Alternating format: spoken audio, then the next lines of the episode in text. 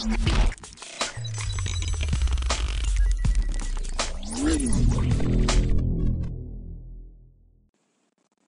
selamat malam bro-broku tercinta. Jumpa lagi dengan saya Muhammad Guntur, pembawa acara terkece, terganteng, dan bla bla bla bla pokoknya.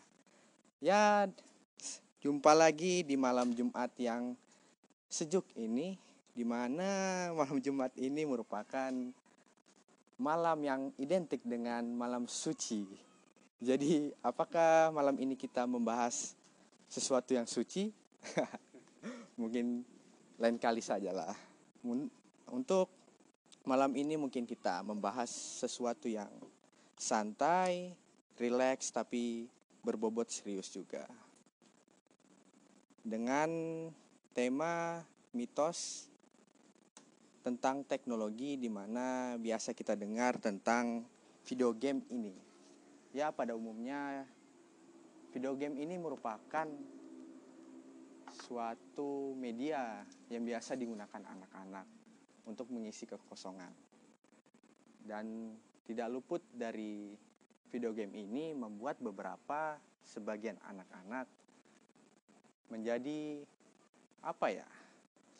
Menjadi atau merubah sikap atau perilaku anak-anak tersebut.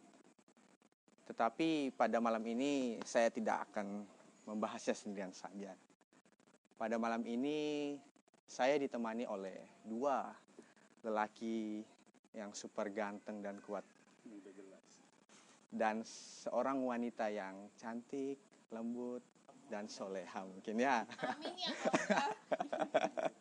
ya mungkin dari yang pertama saya kenalkan ini merupakan senior saya satu tingkat di atas saya, satu fakultas dengan saya bernama Cahyo. Gimana bang kabarnya malam ini bang? Tuh. Alhamdulillah sehat. Nah, kesibukannya belakangan ini apa ini bang? Biasa kaum rebahan tiduran oh, kaum rebahan gitu bang ya.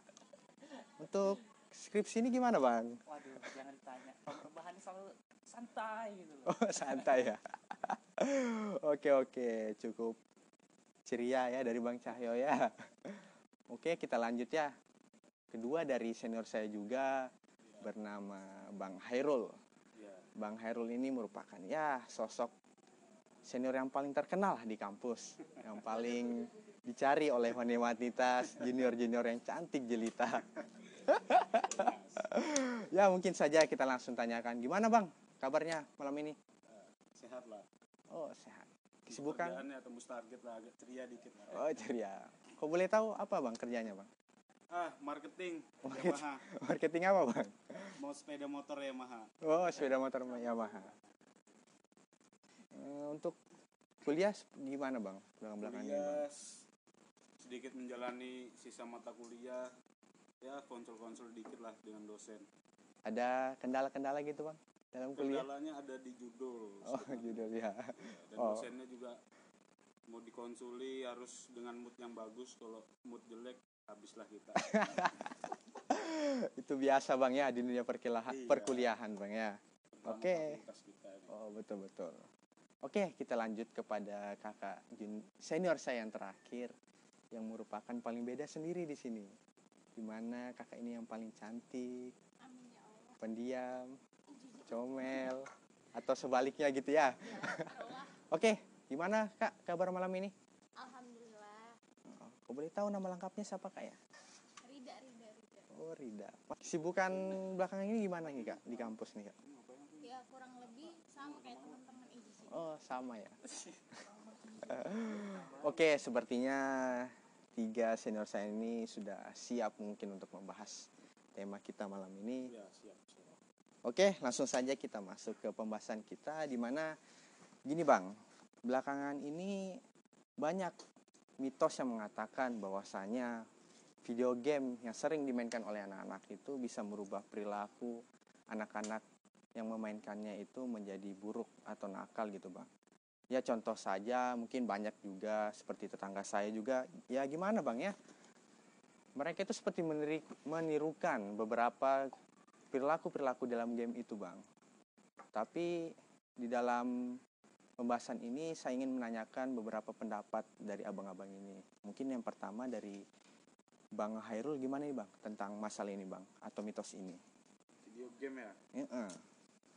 Video game ini penuh pro dan kontra sih sebetulnya Pro dan dari kontra. ya. orang tua dan si anak tersebut ya kadang-kadang orang tua mengontrol anaknya itu juga susah tapi anaknya ya juga batu susah dikasih tahu Iya tapi iya betul betul Bang. butuh hiburan juga karena stres dia di sekolah dari pagi sampai sore dari Senin sampai Sabtu pagi sore pagi sore belum lagi tugasnya PR-nya di sekolah yang harus dikerjakan.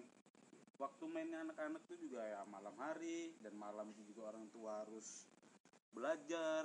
Anak jenuh lah jadinya. Oh, jadi yang saya tangkap dari omongan abang tadi ini berarti game ini merupakan tempat wa atau wadah adik-adik ini untuk mengisi kejenuhan atau kekosongan betul waktu sekali gitu. betul sekali Mas Guntur itu sudah makanya ada pro dan kontranya Pro kontranya. Mungkin dari pronya gimana nih bang? Dari abang sendiri? kalau saya sebagai pro di sini ya mendukung lah Heeh. karena anak juga kalau dituntut belajar terus ya bosan sama aja kayak saya Oh, Belajar Jadi ada juga. butuh sebuah refreshing sedikit gitu bang ya? benar benar, Tidak benar, terlalu benar. fokus pada pembelajaran pendidikan kita gitu bang ya? iya belajar perlu ya game juga perlu lah Oh, Refreshing. jadi Tidak saling hanya game ya liburan berenang sama keluarga juga perlu lah tergantung orang tuanya lah ngontrolnya gimana Oh berarti dari tergantung orang tuanya lagi bang ya? Kembalikan ke orang tuanya lagi. Mungkin kalau dari kontranya bang, seperti apa bang? kontranya ya, orang tua ya selalu mengekang anaknya untuk belajar Jadi orang tua menyuruh belajar menyuruh beli tabung gas beli bawang antar ke pasar. Anaknya lagi asik main game. Terus orang tuanya marah ya akhirnya dipukul dijewer. Ya anaknya ya tambah makin batu. Jadi ma- bebal. jadi makin bandel gitu bang ya? betul bebal ketulang memang. Jadi untuk orang-orang tua nih bang di luar sana ada pesan gak bang buat orang-orang tua di Ya, sana? pesannya ya harus pahamilah kondisi anak diajak sharing ngobrol ajak makan sambil ngobrol nonton sambil ngobrol. Minimal main HP untuk anak itu ya dua jam dua jam paling maksimal lah sejam kita bimbing sampingnya. Main apa dek? Main apa ini? Gamenya gimana ini? Kalau bisa ikut main lah sambil kita bimbing. Terutama YouTube ya. Kalau YouTube juga dia masuk ke YouTube nah kontennya sembarangan kan bahaya juga. Betul Kayak betul betul bang. YouTube Kids Ya. khusus anak-anak. Di situ orang tua bisa membimbing konten yang mana bisa mencarikan konten belajar konten tentang ngaji-ngaji. Ya, konten ke- keagamaan lah juga penting buat anak-anak. Jadi orang tua ini harus meluangkan waktu bang ya untuk anak-anaknya. Dan lebih meluangkan waktu untuk membimbing anaknya, Iya. lebih menjelaskan arah baik tuh gimana gitu bang ya. Betul, itu Oh. orang tua itu aja sih Oh mantap mantap bang ya dari jawaban abang ini. Hmm. Mungkin saya lanjut ingin menanyakan dengan, sesuai dengan tema tadi kita ke lanjut ke Kak Rida ini. Kayak apa ini Kak Rida tentang mitos game ini Kak? Apakah sama dengan Bang Hairul atau gimana? Tapi sebelum itu saya ingin menanyakan dulu Kak. Kakak ini bagian di mana nih? Pro dengan video game atau kontra dengan video game Kak? kalau iya, gitu. kalau saya pribadi ya agak balance sih soalnya Balance-nya gimana Kak? kita m- seperti kita kan mahasiswa kita juga butuh hiburan gitu nah maksudnya maksudnya kan kita sebagai pelajar itu bosan juga lah kalau misalnya belajar terus itu kan monoton ya jadi kita perlu hiburan lah Oh jadi perlu hiburan gitu Kak ya? Iya. Jangan. mungkin pelariannya ke game itu Hmm. Mungkin ada lagi kak apa gitu kak untuk orang tua ini kak gimana kak? ya kan kamu sebagai calon ibu Hmm. amin ya allah Seba kakak ini kan seorang wanita di mana nanti memiliki anak juga. ya sudah pasti banyak membimbing anak-anakmu Nah gimana nih kak tanggapannya kak? kalau itu saya belum anu ya Oh belum mikir sa- sampai sana kak ya. pusing Oh, Jadi sekarang teman-teman. lagi pusing skripsi gitu kak ya. Lagi Aduh skripsi. kacau juga kak ya. Belum ada guys Aduh. Jadi saya tegas apa saya ingin kakak tegasnya dari mana? Apa tegasnya? Saya ingin jadi gimana nih kak? Kakak ini termasuk yang pro atau kontra? Saya belum jelas nih. Saya belum nangkap gitu kak. Yang kalau dari hmm, saya mungkin lebih ke pro ya yang lebih ke pro berarti sama dengan Bang Hairul ya? Oh. karena Ya. ya, namanya kita mau perempuan mau laki-laki ya kita butuh hiburan ya sih? Oh, luar biasa sekali ya jawaban dari kakak Rida ini ya. Iya kalau luar biasa banget. Singkat, jelas, padat. Wah, sangat jelas sekali kak ya. Mungkin langsung saja lah kita ke Bang Cahyo ini yang dari tadi menunggu. Sepertinya dari Bang Cahyo ini sudah menyiapkan beberapa ulasan tentang mitos ini. Langsung saja Bang, gimana Bang tentang mitos ini Bang? Kalau saya sih eh, kayak mengiyakan ya mitos ini. Soalnya gimana ya? Eh, bermain game ini sebenarnya eh, gimana ya? Sesuatu yang sia-sia gitu. Di mana waktumu mungkin bisa untuk belajar, mungkin kalau terlalu bosan dengan belajar bisa nyantai, piknik kah atau apa?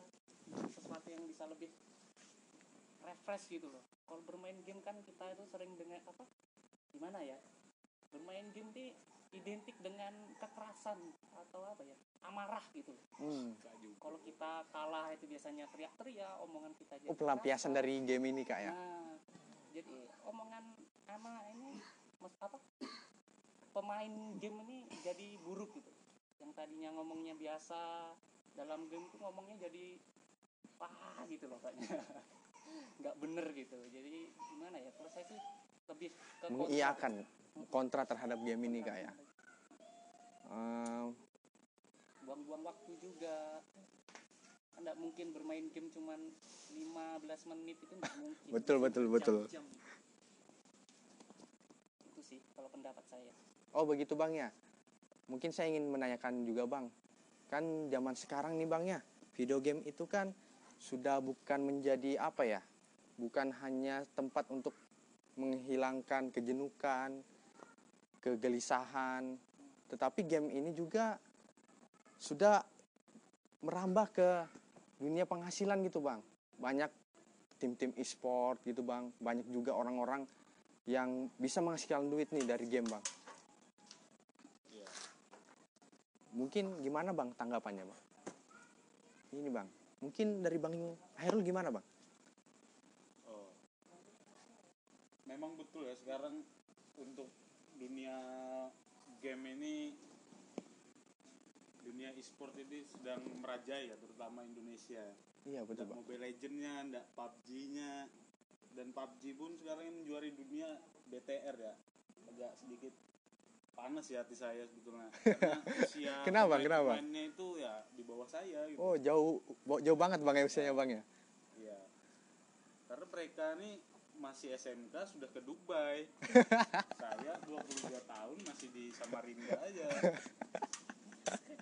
Karena memang kalau game itu tergantung bakat juga ya. Kalau bakat kita ada, tim kita kuat, ya kita masuk dunia pertandingan, turnamen. Pertama kita dikontrak tim e-sport ya menguntungkan memang buat kita. Tapi kalau cuma main game, buang-buang waktu, bisa juga buang-buang duit rebahan, duit habis, kuota masih minta orang tua, ya itu batu. Anak jadi beban. Efek samping positifnya kan bisa jalan-jalan, turnamen, menang dapat hadiah, keluarga senang, bapak ibu senang, keluarga senang. Apalagi kalau bawa nama kampus, nama sekolah, itu itu baru bagus itu. Itu kalau main game harus kayak gitulah untuk anak-anak zaman sekarang. Berarti abang ini mendukung yang lebih ke arah positif gitu bang ya. Iya, positif dan menghasilkan uang. Oh. Hanya menghasilkan uang. Tidak menghabiskan atau meminta-minta kepada orang tua gitu bang ya. Luar biasa luar biasa bang. Ini ada kopi mau kopi. Udah ngopi bang, sorry bang. luar biasa banget ya pemirsa pembahasan dari abang-abang saya tadi dan kakak yang mungkin tadi cukup sangat jelas ya jawabannya. Sebelum ke akhir pembahasan nih mungkin dari saya sendiri atau mengambil kesimpulan dari abang-abang dan kakak saya di fakultas ini di fakultas senior saya di fakultas kalau dari saya tentang mitos video game membuat anak-anak menjadi nakal itu ada ianya dan ada tidaknya. Tetapi kembali lagi kepada personal. Yang pertama ya, pada personal. Jadi kita tidak bisa mengiyakan mitos ini karena gimana ya? Video game ini tergantung lagi dari personalnya. Dia bisa bisa mengambil positifnya atau negatif dari game ini. Kemudian ada peran orang tua di sini yang sangat dibutuhkan terutama untuk dari kalangan usia dari lima tahun sampai usia 18 tahun karena mereka ini di rentan usia ini sangat labil gitu harus ada bimbingan dari orang yang lebih dewasa atau orang tuanya yang bisa memberikan arah atau menjelaskan ke lebih baik tentang game ini mungkin juga lebih mengarahkan atau menjelaskan game yang terbaik yang cocok untuk anak di usia di usianya untuk dimainkan karena tidak sesem, tidak semua game itu cocok untuk di seluruh kalangan usia. Jadi ya kembali lagi peran orang tua di sini sangat dibutuhkan untuk remaja-remaja. Mungkin untuk usia 18 tahun ke atas mungkin sudah ada beberapa remaja-remaja yang bisa memikirkan sendiri arah positifnya ke mana, negatifnya di mana. Tetapi untuk rentan usia dari 18 tahun ke bawah itu sangat dibutuhkan sekali. Gimana bang? Setuju bang dengan perkataan saya bang? Setuju banget bang. Mungkin untuk dari saya sih ya video game ini sekarang lebih bagusnya ya seperti sekarang lebih diarahkan yang lebih meng, menghasilkan gitu. Contohnya gabung ke e-sport kan. Iya, Karena di e-sport ini juga ada manajemen waktunya, tidak sembarangan ada coachnya, ada manajernya. Jadi tidak seperti gamers-gamers yang player so, player solo gitu kan di rumah tidak bisa memanage waktu dengan benar. Nah, iya, jadi harus ada tim gitu, ada ada teman-teman yang lebih mengiringi mereka, menemani mereka gitu kan, Bang. Oke, permisa, mungkin itu saja pembahasan malam ini. Mungkin dari pemirsa bisa mengambil sedikit atau banyaknya pelajaran dari pembahasan pada malam yang sejuk ini. Oke, mungkin dari podcast malam ini cukup sekian. Sampai jumpa lagi di podcast-podcast selanjutnya yang mungkin lebih berbobot dan lebih ber memberi ya lebih berbobot lagi tuh bang bang ya lebih meng memberikan ilmu lagi, lebih memberikan ilmu yang lebih besar kepada pemirsa-pemirsa di rumah. Oke, cukup sekian dari saya. Salam saya Muhammad Guntur. Selamat malam.